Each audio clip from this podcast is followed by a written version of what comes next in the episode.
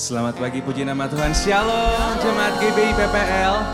Semua dalam keadaan baik, sehat, amin. Yes, amin. Kita akan masuk ibadah kita pada pagi hari ini. Mari kita bersatu hati dalam doa. Terima kasih Yesus, terima kasih Roh Kudus, terima kasih Bapa kami yang baik. Untuk cinta kasih-Mu, untuk kasih setiamu dalam hidup kami Tuhan. Kau tidak pernah berhenti untuk melimpahkan kasih sayang-Mu Tuhan ke dalam setiap kami ya Bapa. Hari lepas hari, bulan lepas bulan Tuhan. Kami sungguh yakin dan percaya Tuhan, Engkau Allah yang selalu menyertai kami di sepanjang hidup kami ya Tuhan Yesus. Kini tiba saatnya bagi kami Tuhan, untuk masuk ke dalam hadirat-Mu, menaikkan pujian kami, menaikkan sembah kami ya Tuhan Yesus. Dengan satu tujuan kami, hanya untuk menyenangkan hati Engkau ya Tuhan. Pagi hari ini Tuhan kami tidak ingin menyia-nyiakan kesempatan yang kau berikan kepada kami ya Bapa.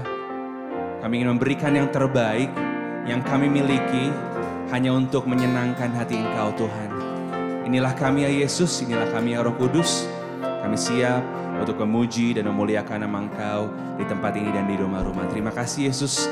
Haleluya. Amin. Boleh jemaat Tuhan kita bangkit berdiri, mari kita memuji nama Tuhan. Come on. Hey. Boleh bertepuk tangan buat Tuhan, yuk. Oh.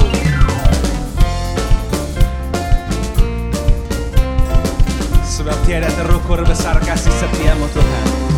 Tiada terukur besar kasih setiamu Tuhan.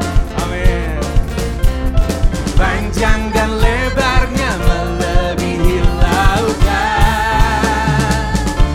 Katakan jauh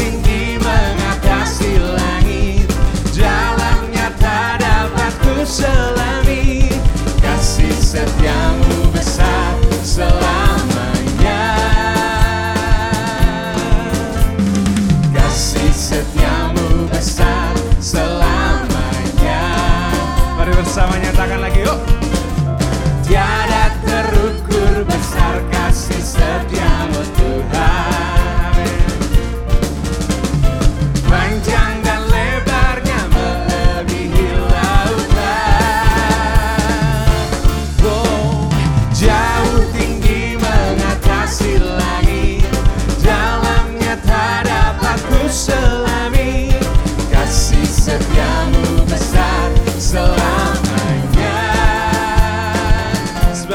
setiamu Kasih setiamu besar Mari bersama kita menari bagi Tuhan. Come on.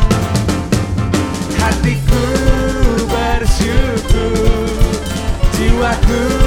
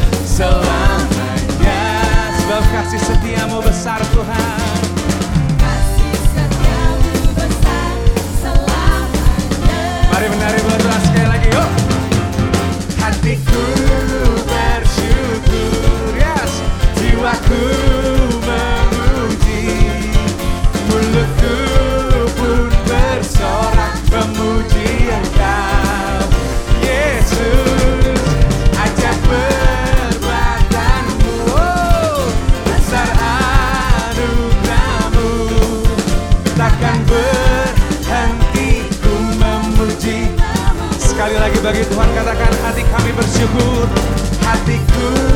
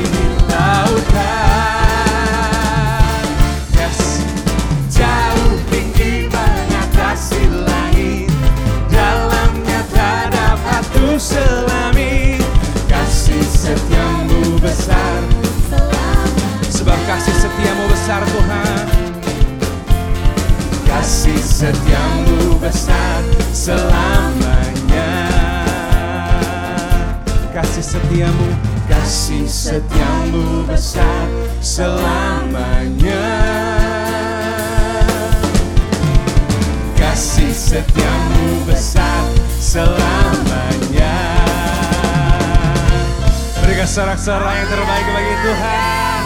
Haleluya. Haleluya. Sebab denganmu Tuhan kami mampu melewati setiap musim hidup kami Bapak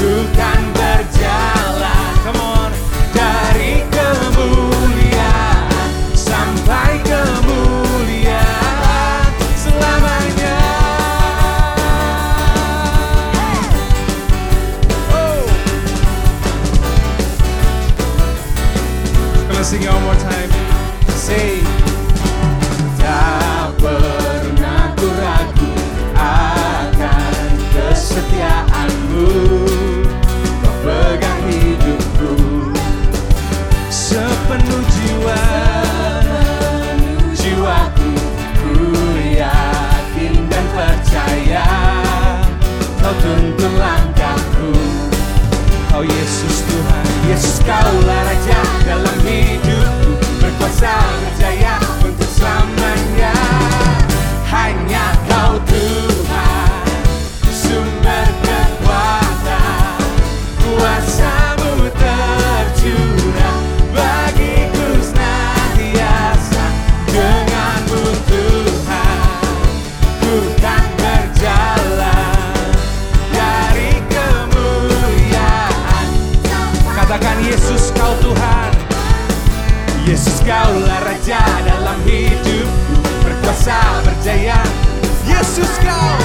Yesus kaulah Raja dalam hidupku Berkuasa berjaya. Sekali lagi katakan Yesus kaulah Raja dalam hidupku Berkuasa berjaya untuk selamanya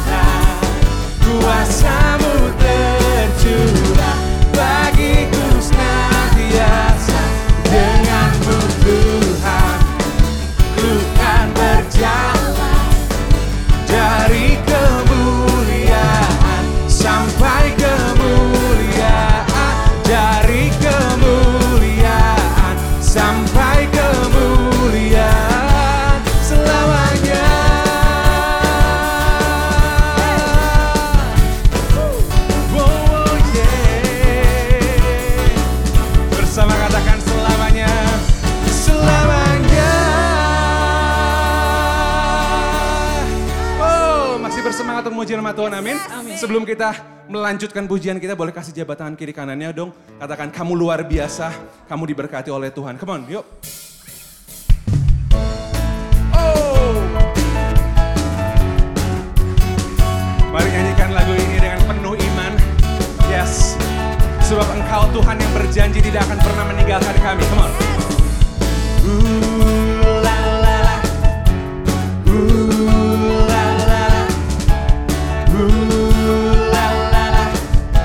everybody sing. Ketika Tuhan memulihkan keadaan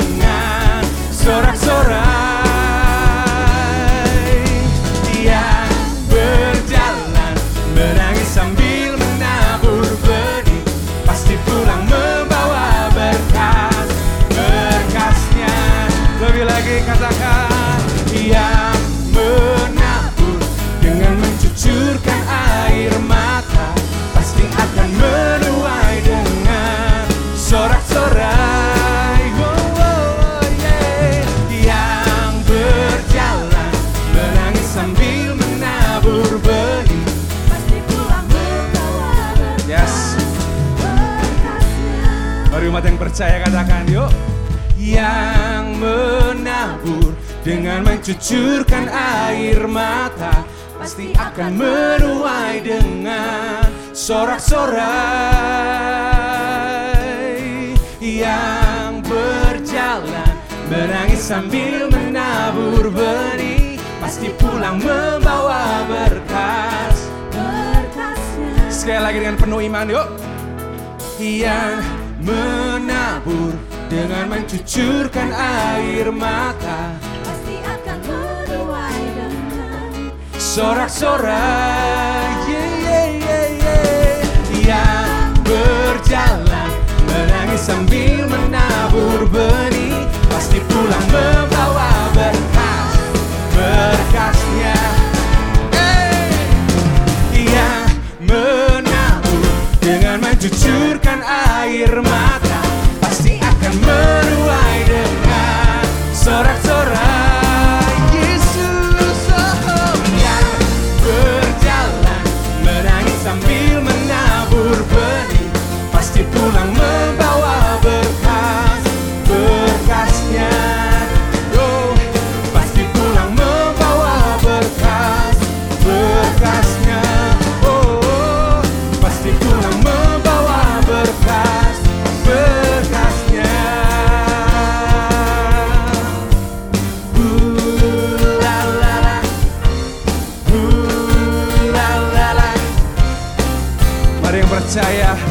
berikan sorak-sorai. Haleluya. Haleluya. Silakan duduk Bapak dan Ibu. Yes. Sebab kasih-Mu tidak akan pernah berubah dalam hidup kami Tuhan selama-lamanya. Terima kasih Tuhan Yesus, terima kasih Roh Kudus. Inilah hati kami, inilah pikiran kami Tuhan. Kami rindu mendengarkan firman-Mu ya Bapa. Yes Jesus. Musim akan selalu berganti. Kasih Tuhan tetap abadi. Tak akan berubah sampai selamanya. Ku tetap percaya yakin Tuhan memberkati. Kami yakin Tuhan Ku yakin Tuhan melindungi. Burung di udara Tuhan pelihara Karena kasihnya Tuhan selalu menolongku Selalu menjagaku. Sehelai di rambutku Tak akan terjatuh tanpa seizinmu Tuhan selalu menolongku Selalu menjagaku. Dia mengenyangkanku Dan peliharaku Seumur hidupku. Musim exalá-lo.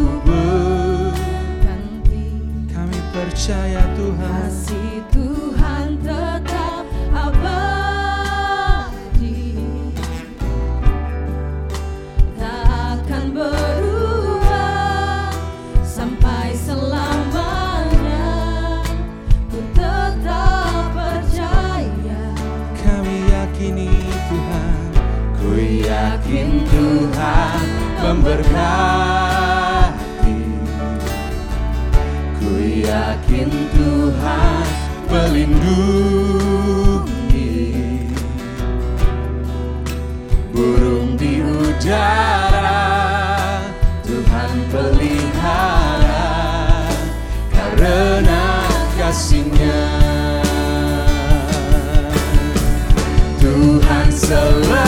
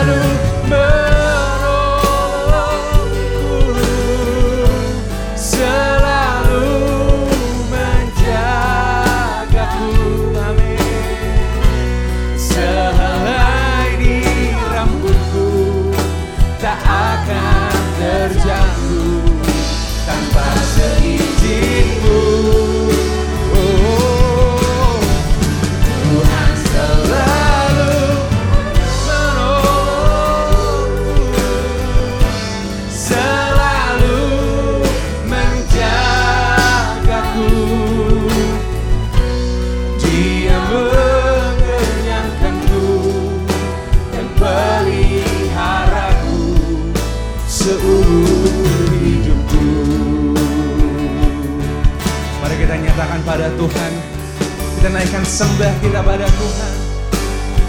Yes Jesus. Sebab kami sungguh percaya Tuhan Atas setiap perbuatan tanganmu Bapa. Semuanya tak luput dari kendalimu ya Tuhan.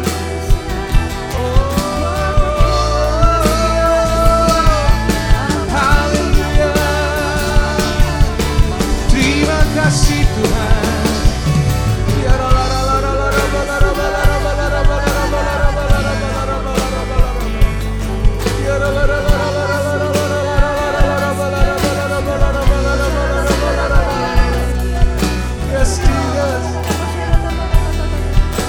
yes, Lord.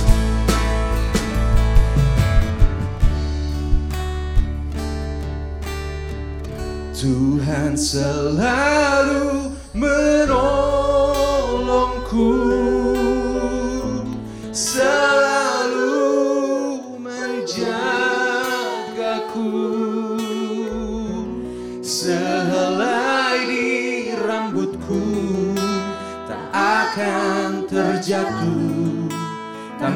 seizinmu. Tuhan selalu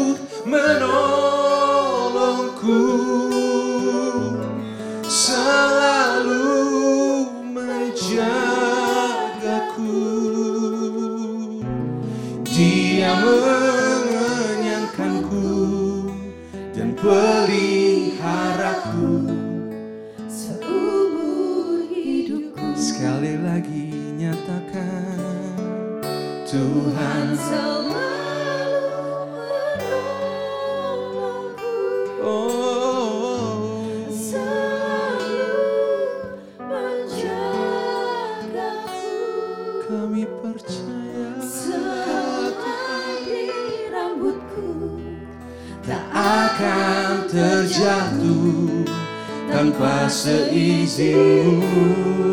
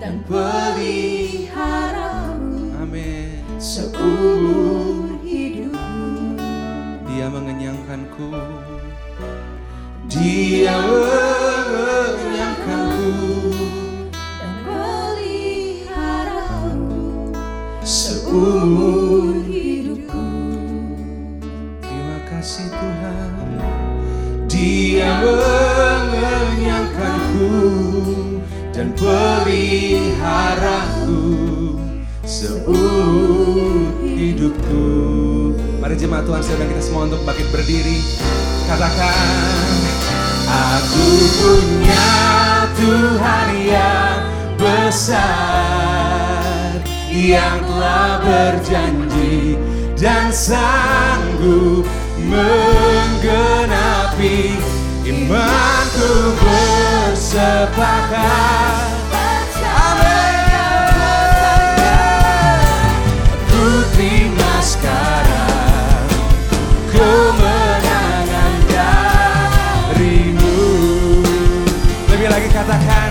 kami punya engkau Tuhan. Aku punya Tuhan yang besar Yang telah berjanji dan sanggup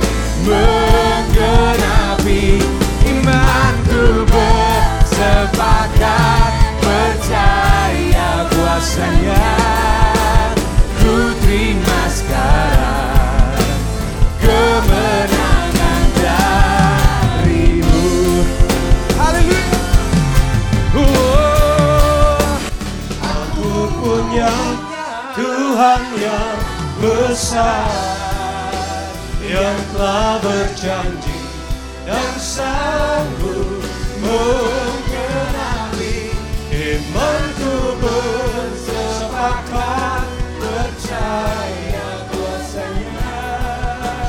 Ku terima sekarang kemenangan darimu Ku terima sekarang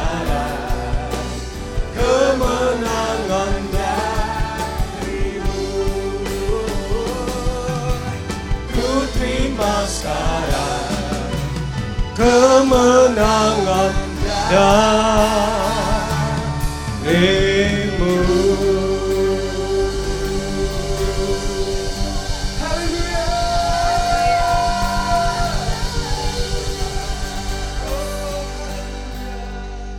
Haleluya. Mari angkat kedua tangan kita. Angkat wajah kita. Kita mau beri pengagungan kepada Dia. Haleluya. Mari angkat suara Sembah dia, sembah dia. Haleluya. Haleluya. Kami angkat tangan kami. Kami memandang kepadamu Tuhan. Yes. Engkau Tuhan yang besar, maha besar, maha dahsyat, ajaib dan perkasa Engkau Tuhan. Layak Engkau dipuji, layak Engkau disembah Tuhan. Haleluya. Dinamase. Mari angkat suara jemaat Tuhan. Angkat suara. Ora basikarabo. Haleluya.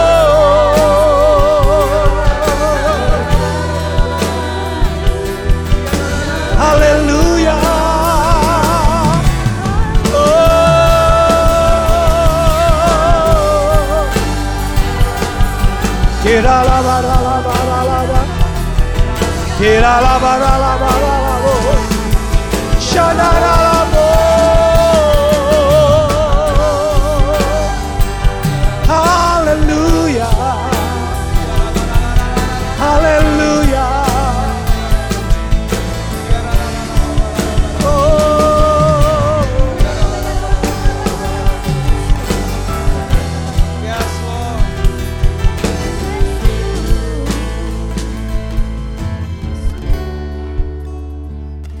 Allah yang maha besar dan dahsyat. Yes.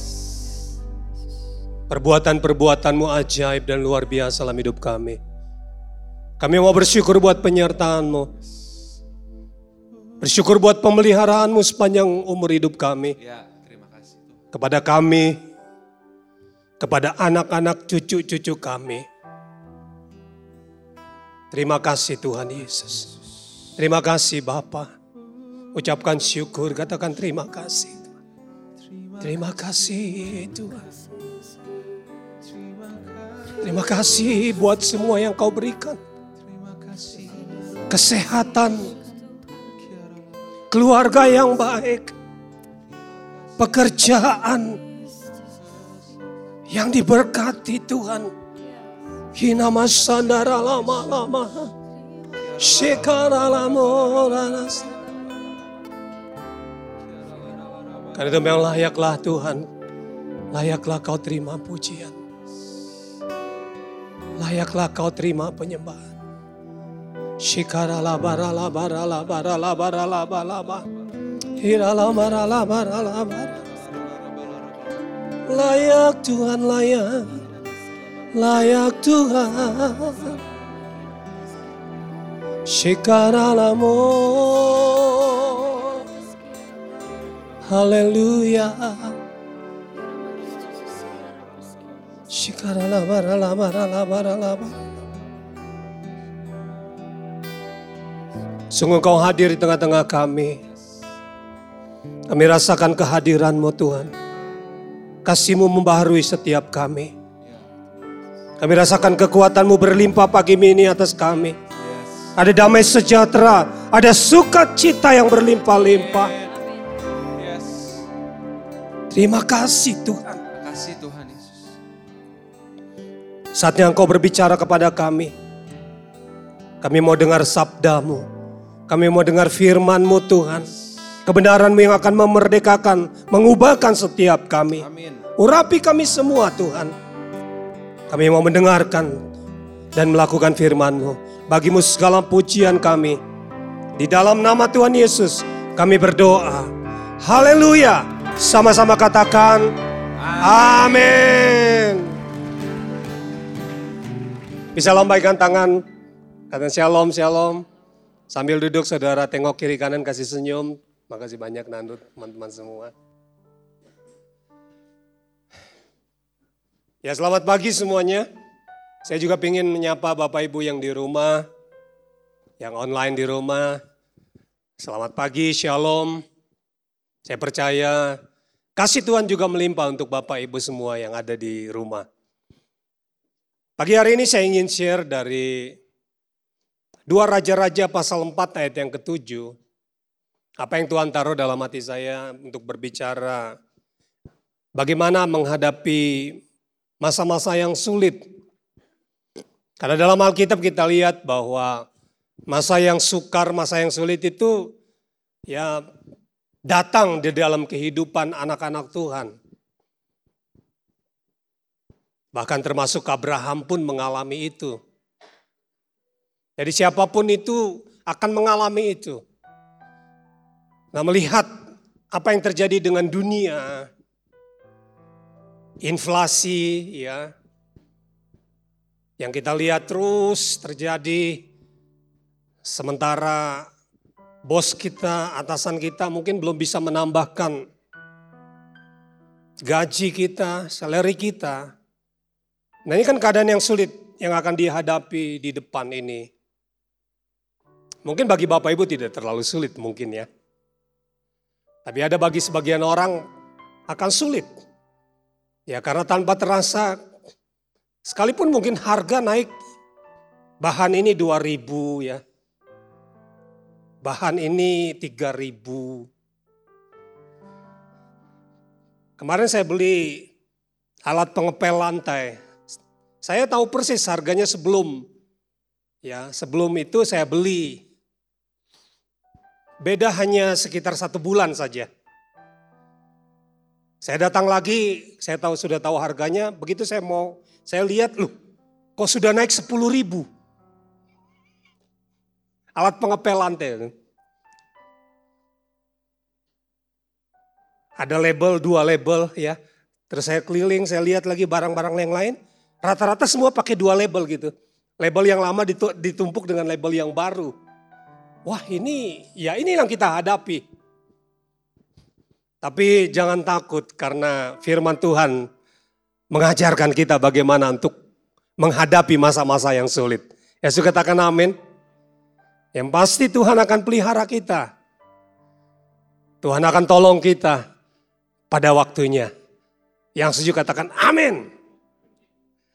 Dua Raja-Raja pasal 4 ayat 7. Ini prinsip firman Tuhan untuk menghadapi masa-masa yang sulit. Kapan pun itu terjadi dalam hidup kita.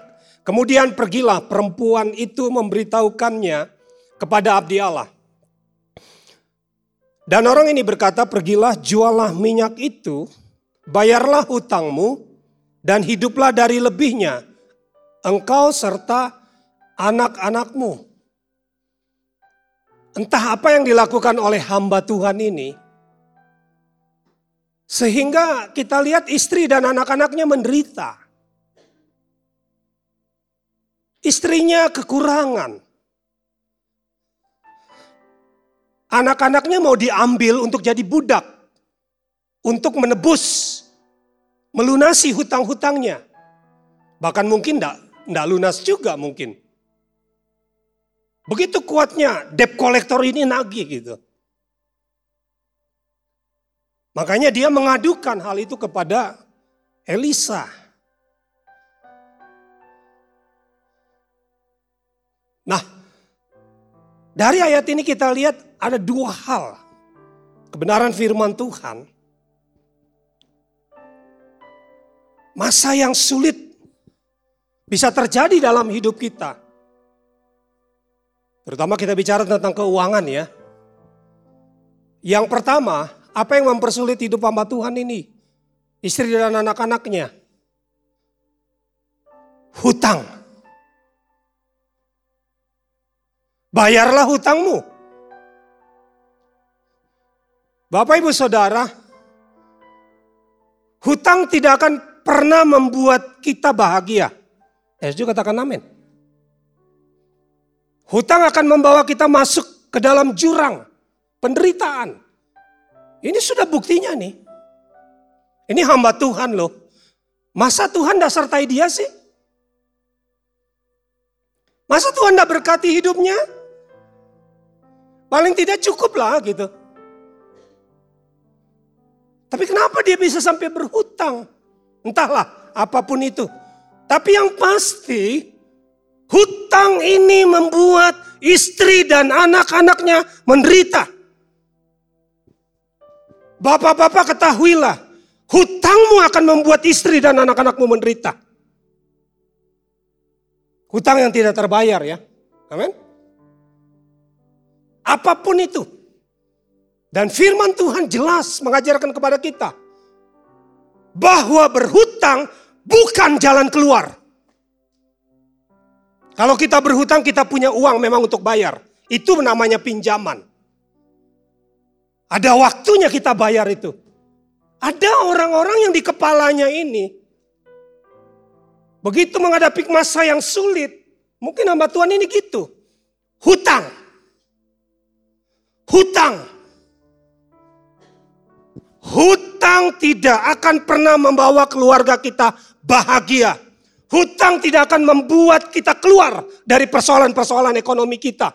Malah sebaliknya, hutang akan membuat kita ter, terperangkap masuk ke dalam jurang yang dalam. Yang mau katakan amin. Wah ini tegang ini. Kayaknya ada hutangnya ini. Kalau kita berhutang boleh. Kita berhutang sama Yesus. Hutang nyawa, amin.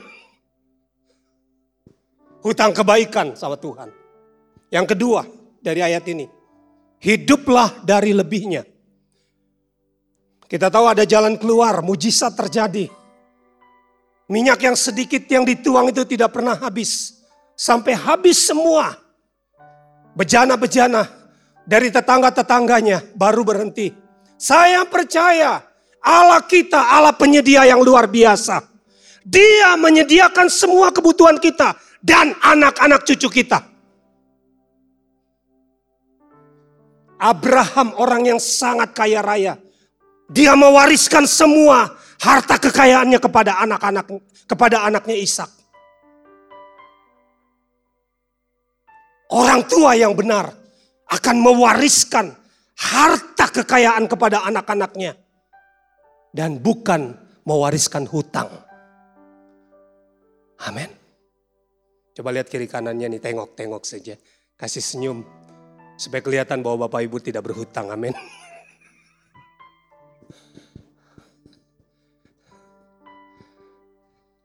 Kalau punya utang cepat bayar. Amin. Kenapa? Karena hutang itu adalah salah satu penghalang berkat terbesar, saudara. Seperti ada tudung di atas kepala kita kalau kita belum menyelesaikan hutang kita. Bukankah Tuhan memilih kita untuk menjadi berkat bagi banyak orang? Kalau hutang aja nggak bayar gimana jadi berkat? Hah? Ayo, coba pikirkan coba. Nah yang kedua tadi dikatakan hidup dari lebihnya. Orang yang nggak punya hutang, kalau dia kumpulkan sedikit demi sedikit, dia punya lebih. Dan anak-anak cucu kita akan hidup dari lebihnya. Ini prinsip. Coba bayangkan kalau hamba Tuhan ini punya punya lebih. Akankah istri dan anak-anaknya menderita? Ayo coba. Kalau dia punya simpanan, akankah menderita? Tidak akan menderita saudara. Kalau kita punya lebih, karena anugerah Tuhan, maka anak-anak cucu kita bisa jadi berkat seperti kitab Mazmur dikatakan mereka akan memberikan kemurahan hati tiap hari kepada orang-orang miskin. Lah kalau punya hutang gimana mau jadi berkat pak? Masa kita mau jadi berkat kita ngutang dulu? Dok, pinjamin uang Bang Joni dong. Mau apa bang? Mau memberkati orang? Lah, gak mungkin, gak mungkin. Jadi orang yang bapak orang paling bahagia adalah orang yang nggak punya hutang, amin. Lihat kiri kanannya dengan senyum bilang begini, orang yang bahagia itu orang nggak punya hutang loh.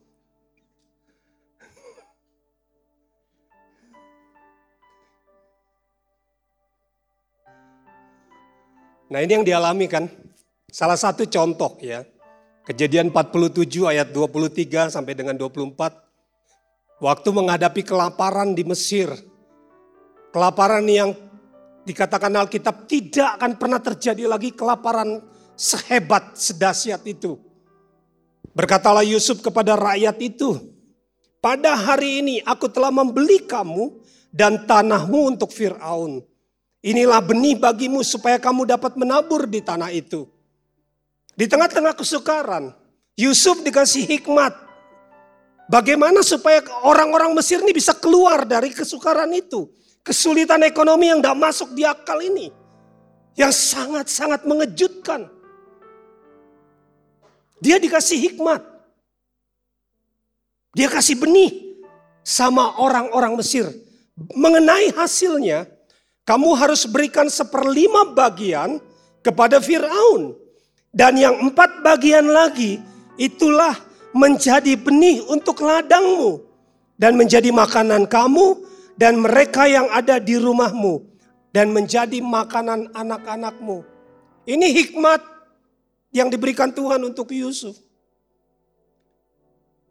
Empat bagian itu cukup untuk menghidupi orang-orang Mesir dan anak-anaknya. Empat bagian. Saya percaya bahwa Tuhan selalu beri lebih sama kita. Amin. Untuk apa? Dikumpulkan. 20 persennya dikumpulkan. Ini hikmat dari Tuhan. Inilah jalan keluar yang diberikan Tuhan melalui Yusuf kepada orang Mesir. Kalau kita mau lihat sisi rumah tangga kita, anak-anak kita, mereka tidak mengalami kelaparan, keluar dari masa krisis. Ini jalan keluarnya. Dalam setiap berkat, percayalah, ada lebihnya. Ada lebihnya. Bilang kiri kanan, ada lebihnya loh. Ya. Kalau kita lihat di sini minimal 20 persen. Empat bagian cukup, cukup katanya, cukup, cukup. Ini hikmat luar biasa. Pak gaji saya kecil, oh enggak. Ini soal gaya hidup, amin.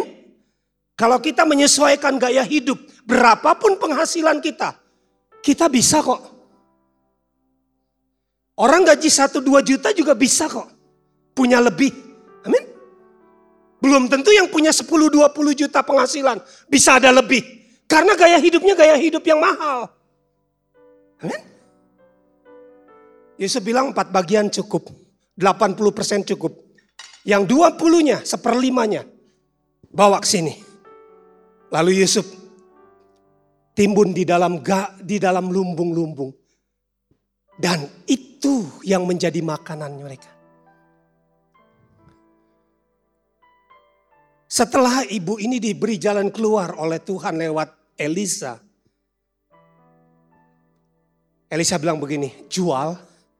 Pertama, tadi, bayarlah hutangmu. Jangan punya hutang lagi katanya. Yang kedua, hiduplah dari lebihnya. Amin. Hiduplah dari lebihnya engkau dan anak-anakmu. Kenapa kita harus punya lebih? Supaya anak-anak cucu kita terpelihara hidup mereka. Saya percaya semua orang tua di tempat ini rindu melihat anak-anak cucu hidup berkecukupan. Bahkan ada lebih untuk menjadi berkat bagi banyak orang. Ya saya katakan amin. Ingat hutang bukan jalan keluar. Hutang harus dibereskan. Yang kedua, belajar gaya hidup. Supaya kita bisa mengatur. Supaya ada lebih yang bisa kita simpan. Kalau Bapak Ibu punya lebih banyak mau jalan-jalan, Ya monggo, mangga, silakan, silakan. Ya, silakan.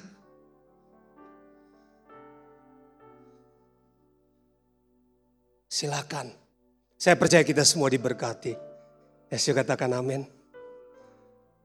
Nah ini prinsip yang yang kita lihat Yesus ajarkan kepada kita. Matius 14 ayat 20. Dan mereka semuanya makan sampai kenyang di tengah-tengah kelaparan, Karena tiga hari mereka mengikuti Yesus, habis persediaan mereka. Di tengah-tengah stres, belum makan, lapar, capek. Murid-murid nggak punya uang untuk beli makanan. Di tengah-tengah keadaan yang sulit seperti itu. Yesus kasih makan 5.000 orang sampai kenyang. Sampai kenyang. Saya percaya kalau Tuhan kasih makan kita, kasih makan anak-anak kita sampai kenyang. Itu saya katakan tadi bahwa dia penyedia bagi kita yang luar biasa. Tinggal kita bagaimana mengelolanya. Yesus katakan amin. Oh ya, Allah kita sumber berkat yang luar biasa. Bukankah orang jahat juga diberkati Tuhan, dikasih makan oleh Tuhan? Amin. Apalagi kita biji mata, biji matanya ini. Asal sesuaikan tadi gaya hidup kita.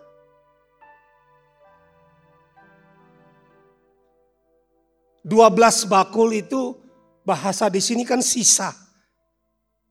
Apakah bisa kita sebut sisa ya dalam pengertian, oh cuma sisa-sisa. Menurut saya itu bukan sisa. Sisa ini dalam pengertian lebih, amin. Loh 12 bakul loh.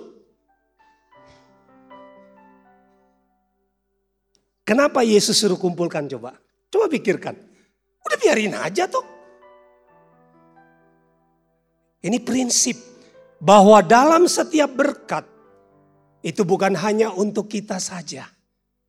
Tapi ada untuk orang lain di rumah.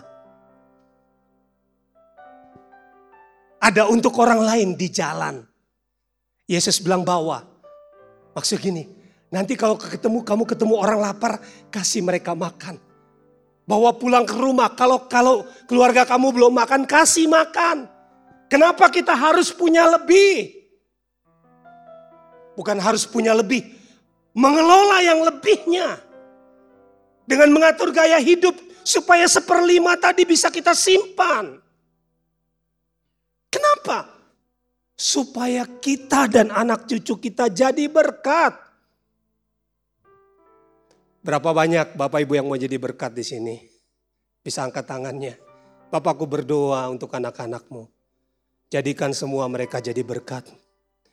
Anak cucu mereka jadi berkat bagi banyak orang. Bagi banyak bangsa Tuhan. Karena mereka nggak punya hutang.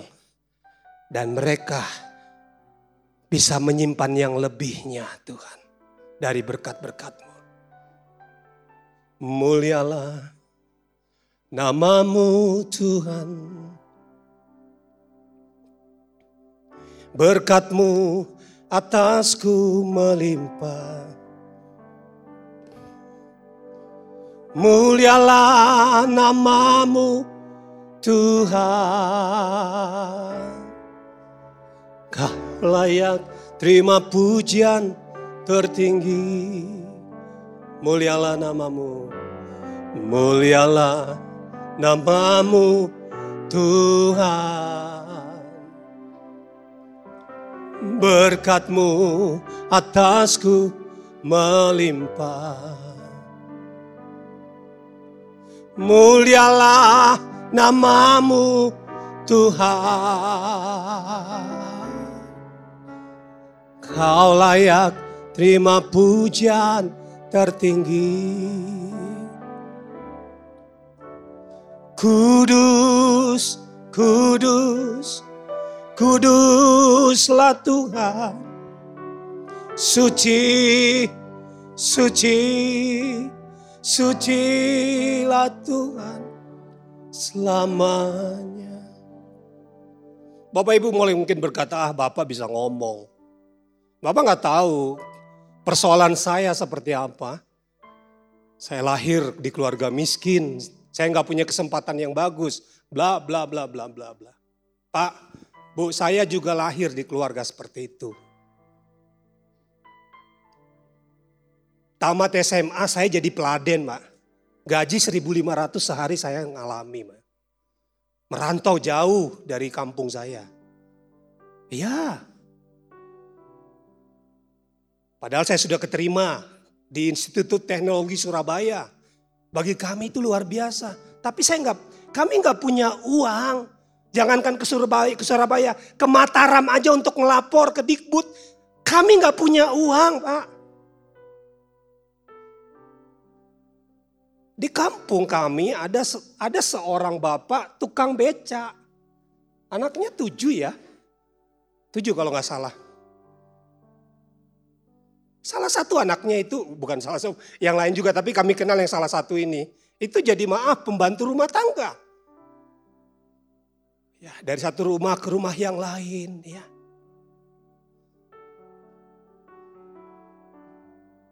Adiknya meninggal, yang pelihara anak-anak adiknya itu dia. Hidup suami, istri, anak tujuh. Ya. Papa mamanya meninggal, ya mereka tetap kumpul di situ. Tapi satu hal yang kami lihat, ya, yang kami dengar, mereka nggak punya utang. Bisa hidup sederhana, Bahagia karena tadi nggak punya utang. Menyekolahkan keponakan-keponakan dia. Hanya dari membantu rumah tangga sampai hari ini. Dari anak-anak kami masih kecil. Bisa kok bisa. Karena itu prinsip firman Tuhan mengajarkan kita. Nah pagi ini saya lebih concern begini. Supaya kita ini boleh memikirkan Betul ya bahwa kita harus punya lebih. Bukan punya lebih. Dalam setiap berkat itu ada lebihnya. Ada lebihnya. Mau 10 ribu, 20 ribu, 100 ribu, pasti ada lebihnya. Amin. Kalau 100 ribu dikumpulin, dikumpulin tiap bulan. Ya firman Tuhan berkata, belajar dari semut. Kumpulin sedikit-sedikit. Orang yang mengumpulkan sedikit demi sedikit akan menjadi kaya raya. Sementara orang yang mau bus, mau cepat kaya, kata firman Tuhan, akan jatuh. Karena keinginan-keinginannya. Loh ini bukan bukan bukan bukan bicara soal kita punya banyak, Pak. Bukan loh. Kita harus lihat dalam setiap berkat selalu ada lebihnya. Tadi 12 bakul itu lebih ya. Ada, ada Tuhan sediakan. Di tengah krisis ini, di tengah krisis ada lebihnya. Tadi ibu tadi ibu hamba istri hamba Tuhan tadi ada lebihnya setelah dia jual, setelah dia bayar hutang, ada lebihnya. Tuhan kita baik, selalu memberi lebih kepada kita. Tinggal kita kasih hikmat sama kita seperti sama Yusuf ini. Supaya anak cucu kita jadi berkat. Yang setuju katakan amin. Ya, itu dia. Jangan tiap tiap hari kita bergumul, bergumul dengan kesulitan-kesulitan ekonomi saja.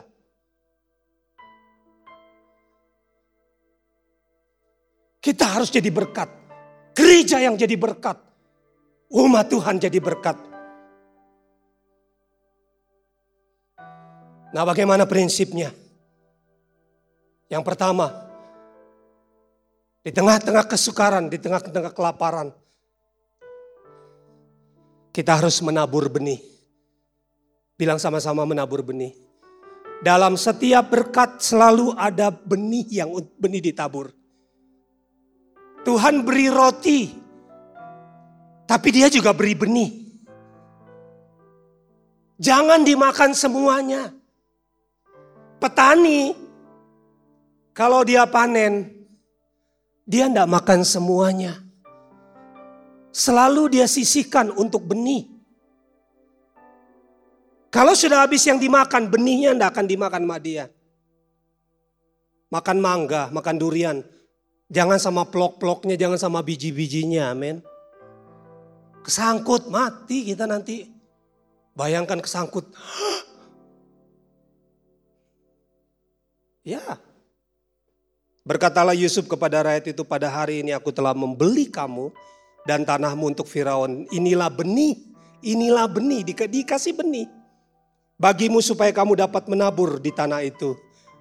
Nah ini tadi yang kita sudah sudah sudah apa sudah bahas hasilnya yang empat bagian cukup cukup untuk apa? Yang pertama jadi benih. Sisihkan dulu ada benih yang harus ditabur bagi ladangmu. Menjadi makananmu dan mereka yang ada di rumahmu. Menjadi makanan anak-anakmu. Cukupkan dengan empat bagian, dengan 80 persennya. Seperlimanya itu lebihnya. Kumpulkan itu. Kumpulkan itu. Kumpulkan itu.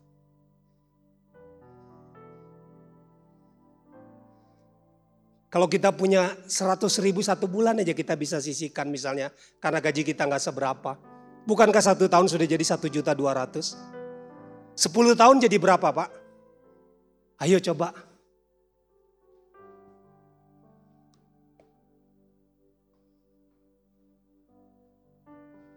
Yang pertama, dalam setiap berkat itu ada benihnya. Kita harus tabur benih. Menabur benih. Perhatikan orang-orang miskin. Saya ajarkan begini. Memperhatikan orang tua. Menabur benih sama orang tua itu adalah hal yang terbaik yang luar biasa. Kamu akan diberkati luar biasa. Kalau kamu memperhatikan orang tuamu. Dia punya gaji nggak apa-apa. Dia orang kaya nggak apa-apa. Tapi kita anak belajar kasih. Mau diterima atau mau dikasih ke siapa? Nggak. Belajar. Yesus bilang orang-orang miskin ada padamu. Selain pada orang tua. Saudara yang membutuhkan makan ya. Selain mereka ada orang-orang miskin. Ini tanah yang baik. Kalau kita perhatikan mereka, kita memperhatikan Tuhan. Kalau kita memberi kepada mereka, ini Tuhan katakan. Kita memiutangi Tuhan, coba. Apakah Tuhan pernah berhutang? Tidak pernah.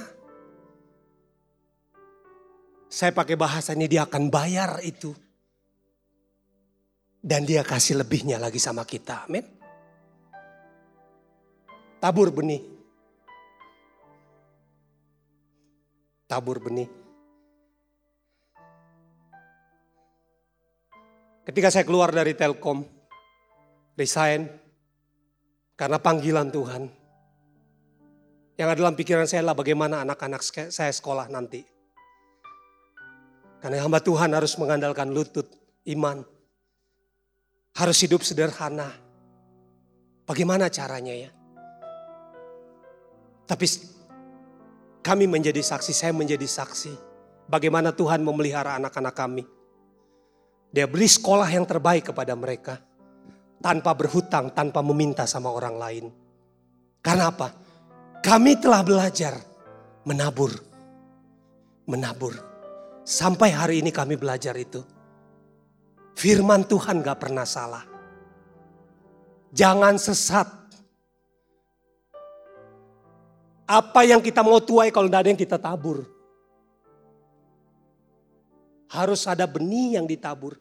Dari empat bagian tadi ada benih yang harus ditabur. Mungkin kita punya satu juta. Tapi sepuluh ribu kita bisa tabur kok jadi benih. Amin. Lu iya. Ini soal hati kok mak. Soal hati. Belajar. Karena kita nabur bukan untuk kita tapi untuk anak-anak cucu kita. Saya katakan amin. Yang kedua. Menabur benih yang kedua diberkati Tuhan. Bilang sama-sama saya diberkati Tuhan. Kejadian 26 ayat 12. Maka menaburlah Ishak di tanah itu dan dalam tahun itu juga ia mendapat hasil 100 kali lipat. 100 kali lipat sebab ia diberkati Tuhan. Nah kata berkat ini itu bukan usaha kita. Kalau saya bekerja, saya digaji UMR misalnya 3 juta atau 2,7 lah. Di Bandung hari ini, Itu bukan berkat, Pak. Itu upah namanya. Kalau saya jadi manajer, digaji 10 atau 15 juta oleh perusahaan, karena saya bekerja 8 jam setiap hari, plus mungkin lembur 1-2 jam setiap hari, itu bukan berkat dalam pengerjaan berkat ya. Itu upah layak pantas kita dapat karena kita bekerja. Nah kalau berkat itu bukan seperti itu. Berkat itu kayak orang Israel mereka nggak kerja, orang Mesir bawa emas, bawa perak, bawa harta yang indah-indah, baju yang indah-indah. Tanpa mereka bekerja sama orang Mesir itu. Disuruh bawa. Kenapa? Itu berkat. Berkat diperintahkan oleh Tuhan. Yang berarti katakan amin. Nah Ishak ini diberkati Tuhan. Benih yang dia tabur diberkati makanya jadi 100 kali lipat. Kalau enggak mungkin cuma jadi 30. Itu normal, 30 itu normal. Paling bagus jadi 60. Tapi karena diberkati Tuhan, orang lain dapat 30, dia dapat 100. Orang lain dapat 60, dia dapat 100. Itu namanya berkat. Amin. Saya percaya Tuhan kita penuh kemurahan. Saya percaya Tuhan bisa memerintahkan orang-orang yang murah hati. Karena kita lihat bagaimana Tuhan memerintahkan burung puyuh datang sama orang sama orang Israel di padang gurun. Bagaimana Tuhan perintahkan mana tiap hari turun. Firman Tuhan katakan berkat akan diperintahkan Tuhan ke dalam hidup kita. Amin. Ya, saya semangat kalau bicara tentang ini. Kenapa? Karena saya rindu kita semua jadi berkat. Anak cucu kita jadi berkat. Memuliakan nama Tuhan. Amin. Saudara semangat enggak? Ya, harus semangat. Karena kita orang-orang yang dipercaya untuk mengelola kekayaan sorga. Amin. Amsal 10 ayat 22 berkat Tuhan yang menjadikan kita kaya. Susah payah kita tidak menambah apa-apa. Tadi di awal kita bilang kita harus dari hidup dari lebih.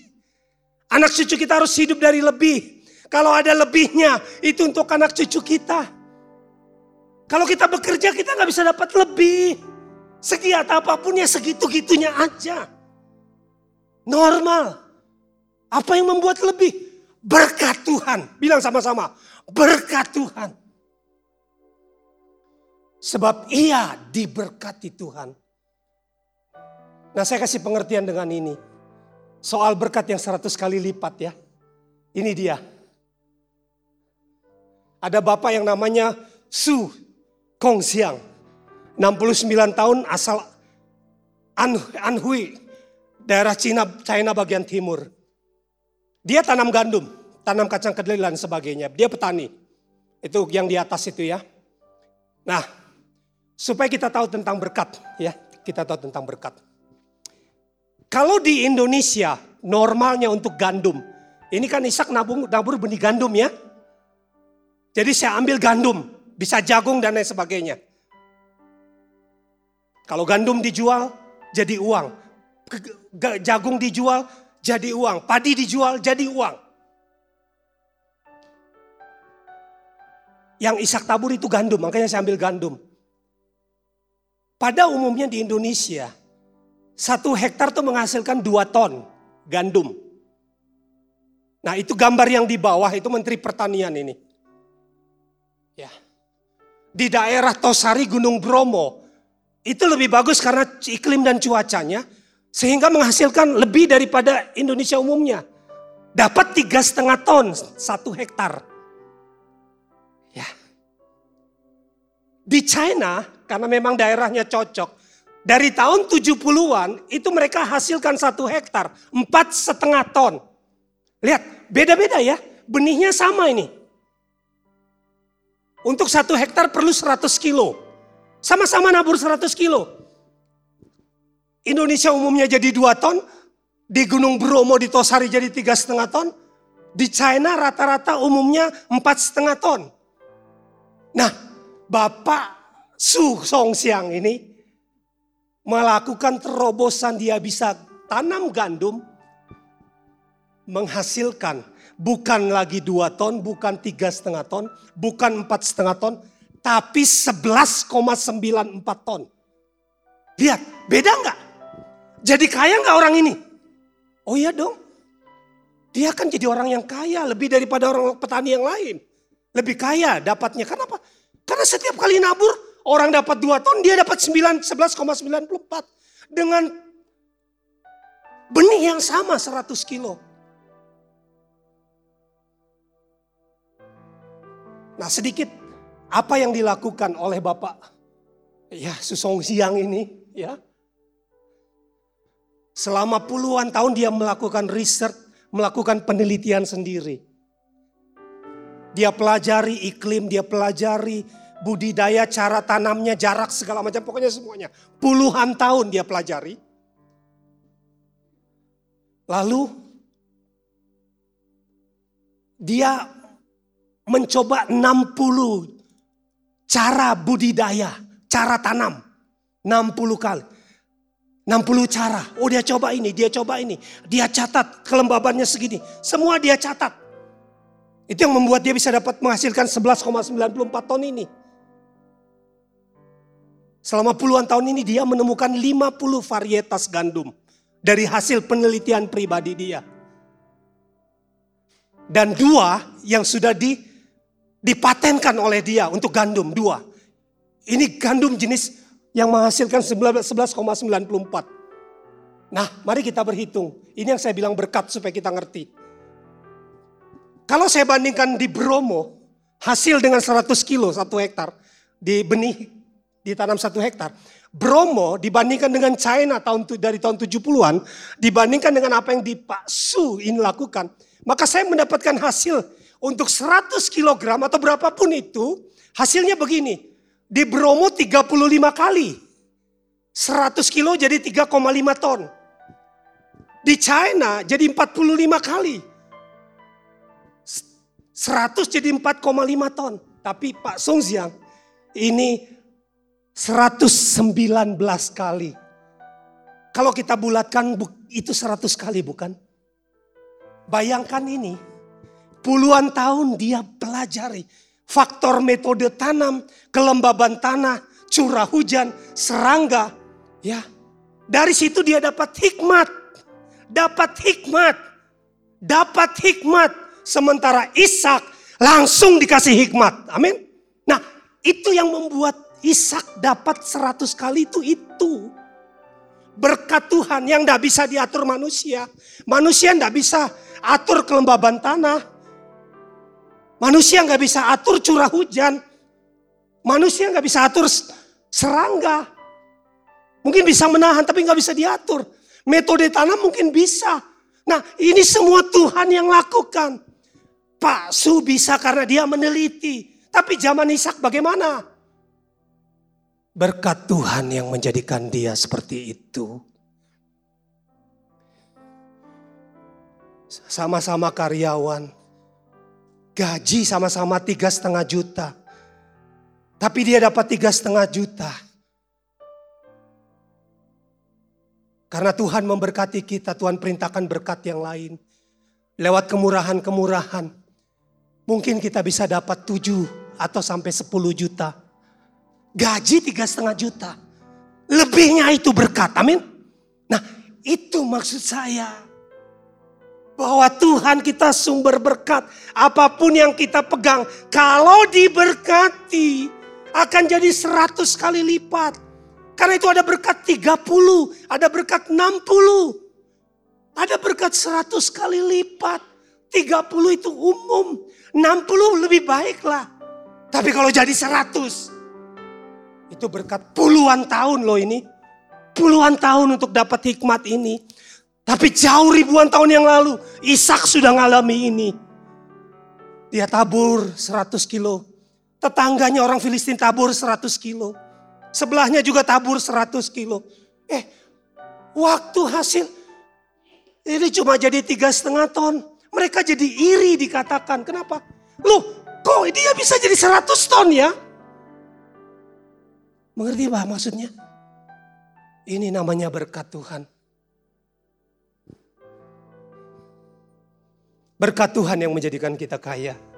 Usaha kita tidak menambah apa-apa. Cuma gaji tok. Sama tunjangan selesai. Enggak, enggak, kita kita perlu berkat dari Tuhan. Yang pertama, harus ada benih yang kita tabur. Yang Tuhan berkati adalah benih. Bilang sama-sama saya, yang Tuhan berkati adalah benih. Yang Tuhan berkati adalah benih. Sekarang katakan begini, yang Tuhan berkati adalah benih yang saya tabur. Dua, tiga. Yang Tuhan berkati adalah benih yang saya tabur. Minta berkat dari Tuhan untuk anak-anak kita. Biar mereka diberkati. Tuhan perintahkan berkat sama mereka. Ada lebihnya. 80% cukup, 20% mereka bisa simpan. Mereka bisa beli rumah. Bisa bangun usaha sendiri. Bukankah kita orang tua jadi senang? Amin. Ya itu dia. Terakhir, Mazmur 126 ayat 5. Orang-orang yang menabur dengan mencucurkan air mata akan menuai dengan bersorak-sorai. Tepung dan minyak janda di Sarfat tidak pernah habis karena dia nabur benih itu. Sama hamba Tuhan. Orang lain mengalami kelaparan, dia enggak. Terus, kenapa? Karena Tuhan memelihara dia. Dia nabur dengan mencucurkan air mata. Dia menuai dengan sorak-sorai. Amin. Ini perempuan Sunem. Karena kelaparan tujuh tahun yang datang, dia harus tinggalkan rumah dan ladangnya. Waktu kelaparan selesai dia pulang, rumah dan ladangnya sudah diambil orang. Tapi lihat Tuhan tidak pernah, tidak pernah berhutang. Ibu ini murah hati, memperhatikan hidup Elisa. Apa yang terjadi? Bukan hanya dia dapat anak, anaknya mati dibangkitkan. Tapi kepunyaan dia disuruh balikin semua sama raja. Balikin apa yang dia punya. Bahkan hitung hasil tujuh tahun ladangnya. Tanpa menabur, tanpa menabur dia. Karena kelaparan, dia pergi. Kembalikan itu semua. Tujuh tahun hasil. Ladang itu berapa? Kasih. Tanpa dia kerja. Kenapa? Karena dia orang yang suka menabur. Karena dia orang yang murah hati. Kepada orang yang murah hati, Tuhan akan bermurah hati. Amin. Siapa banyak memberi berkat, diberi kelimpahan. Siapa memberi minum, ia sendiri akan diberi minum. Kita baca sama-sama ayat ini. Dua, tiga. Siapa banyak memberi berkat, diberi kelimpahan. Siapa memberi minum, ia sendiri akan diberi minum. 2 Korintus 9 ayat 6. Ini Tabita yang jadi berkat. Dia enggak bagi-bagi uang, enggak. Dia cuma bikin bikin baju untuk janda-janda. Yang nggak bisa beli baju. Yang susah beli baju. Dia bikin. Waktu dia mati nama Tuhan dipermuliakan. Banyak orang percaya kepadanya. Bukan saat dia hidup, dia hidup dia jadi berkat. Bahkan kematiannya pun membawa keharuman nama Tuhan.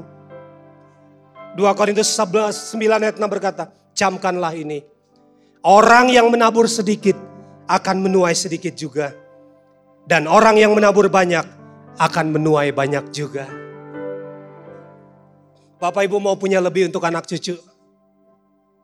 Pertama, dari setiap berkat ada benih yang harus kita tabur.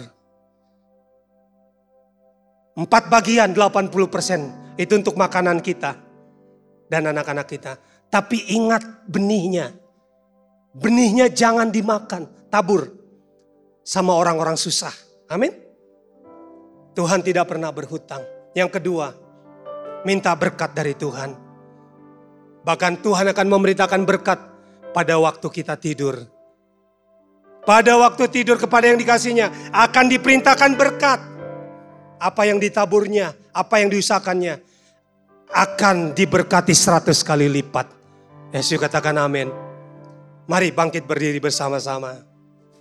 Mulialah namamu Tuhan.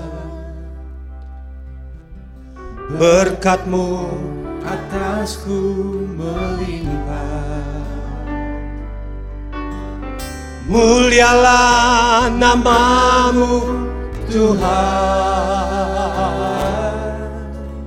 Kau terima puja tertinggi. Sekali lagi katakan mulialah Mulialah namamu Tuhan Berkatmu atasku melimpah. Mulialah namamu Tuhan. Kau layak terima puja tertinggi. Kudus, kudus, kudus Kuduslah Tuhan Suci, suci, sucilah Tuhan selamanya. Kudus, kudus, kudus, kudus, kuduslah Tuhan. Suci, suci, sucilah Tuhan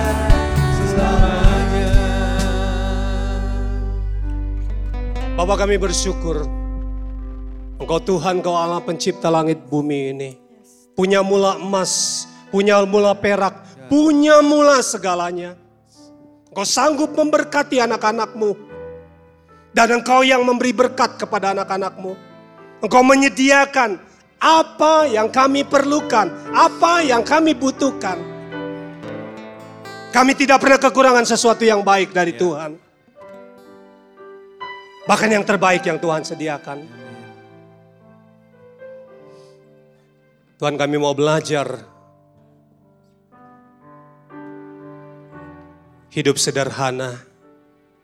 Kami mau belajar mengatur gaya hidup kami Tuhan. Gaya hidup yang cukup. Tidak berlebih-lebihan.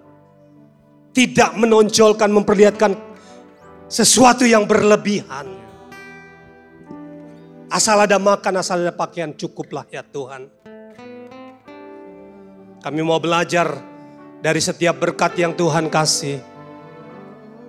Selain menjadi makanan bagi kami dan anak-anak kami, kami mau belajar untuk menabur Tuhan. Berapa banyak Bapak Ibu Saudara yang mau belajar untuk menabur? Mari angkat tangan kanannya. Bapakku berdoa. Kami semua mau meresponi firman-Mu Tuhan. Kami mau menabur, menabur yang baik. Apa saja kami mau tabur. Dengan apa yang ada pada kami. Secara sukarela.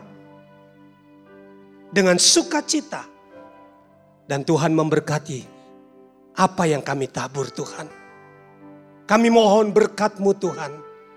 Engkau yang memberkati setiap benih yang kami tabur. Terima kasih Tuhan. Berkati anak-anakmu semua. Berkati keluarga-keluarga Tuhan berkati. Suami, istri, anak-anak, orang tua Tuhan berkati semua. Kami berdoa untuk anak-anak kami, cucu-cucu kami. Tuhan berkati mereka. Jadikan mereka menjadi berkat bagi banyak orang, bagi banyak bangsa Tuhan. Biar mereka memberikan kemurahan tiap hari Tuhan. Anak cucu kami memberi, membagikan kemurahan, kebaikan tiap-tiap hari. Amin. Setiap yang dikerjakan umatmu, berkati berlimpah-limpah Tuhan. Terima kasih. Berkati pemimpin-pemimpin rohani kami. Berdoa, Tuhan kasih hikmat, kasih pewahyuan bagi mereka. Kami berdoa, Tuhan pimpin mereka semua. Gembala-gembala cabang yang ada, semua pekerja, Tuhan memberkati. Amin. Bapak Ibu, Sebentar pulang kita akan mempersembahkan persembahan syukur kita. Saya mau melakukan ini. Bapak Ibu yang sudah dapat amplopnya, mari pegang amplopnya. Kalau yang belum mengisi nanti waktu pulang isi ya. Setiap taburan Tuhan akan berkati, amin. Yes. Kalau yang sudah, angkat saja tangannya. Bapakku berdoa untuk setiap benih ini. Baik itu persembahan syukur, persepuluhan, diakonia. Berkati Tuhan, berkati sampai seratus kali lipat.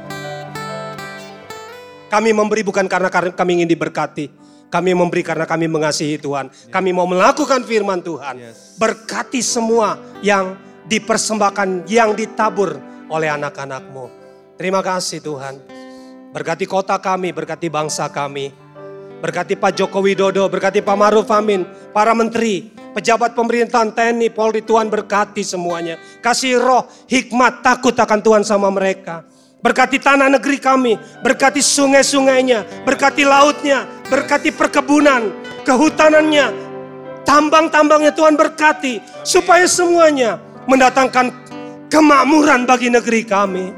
Kasih hikmat kepada orang-orang yang mengatur keuangan negeri ini. Supaya sungguh berhikmat dalam menjalankan keuangan bagi bangsa kami. Sebentar kami mau pulang Tuhan. Kami angkat kedua tangan kami. Saudara-saudaraku pulanglah dengan membawa berkat yang berlimpah. Tuhan memberkati keluar dan masukmu. Tuhan memberkati buah kandungan anak-anak cucu keturunanmu. Tuhan memberkati ladang, bakul adonan, sekolah studi, usaha pekerjaanmu. Dia melundingu engkau di segenap jalanmu. Ia menyinari engkau dengan wajahnya memberi engkau kasih karunia. Ia menghadapkan wajahnya kepadamu dan memberi engkau damai sejahtera. Amin. Hikmat kekuatan yang berlimpah dari Bapa di sorga. Cinta kasih Tuhan Yesus Kristus. Persekutuan penghiburan roh kudus. Menyertai Bapak Ibu. Pagi siang ini. Sampai terus tanggal kedua. Bahkan sampai selama-lamanya. Di dalam nama Tuhan Yesus. Sama-sama katakan. Amin. Selamat pagi. Tuhan Yesus memberkati Bapak Ibu semua.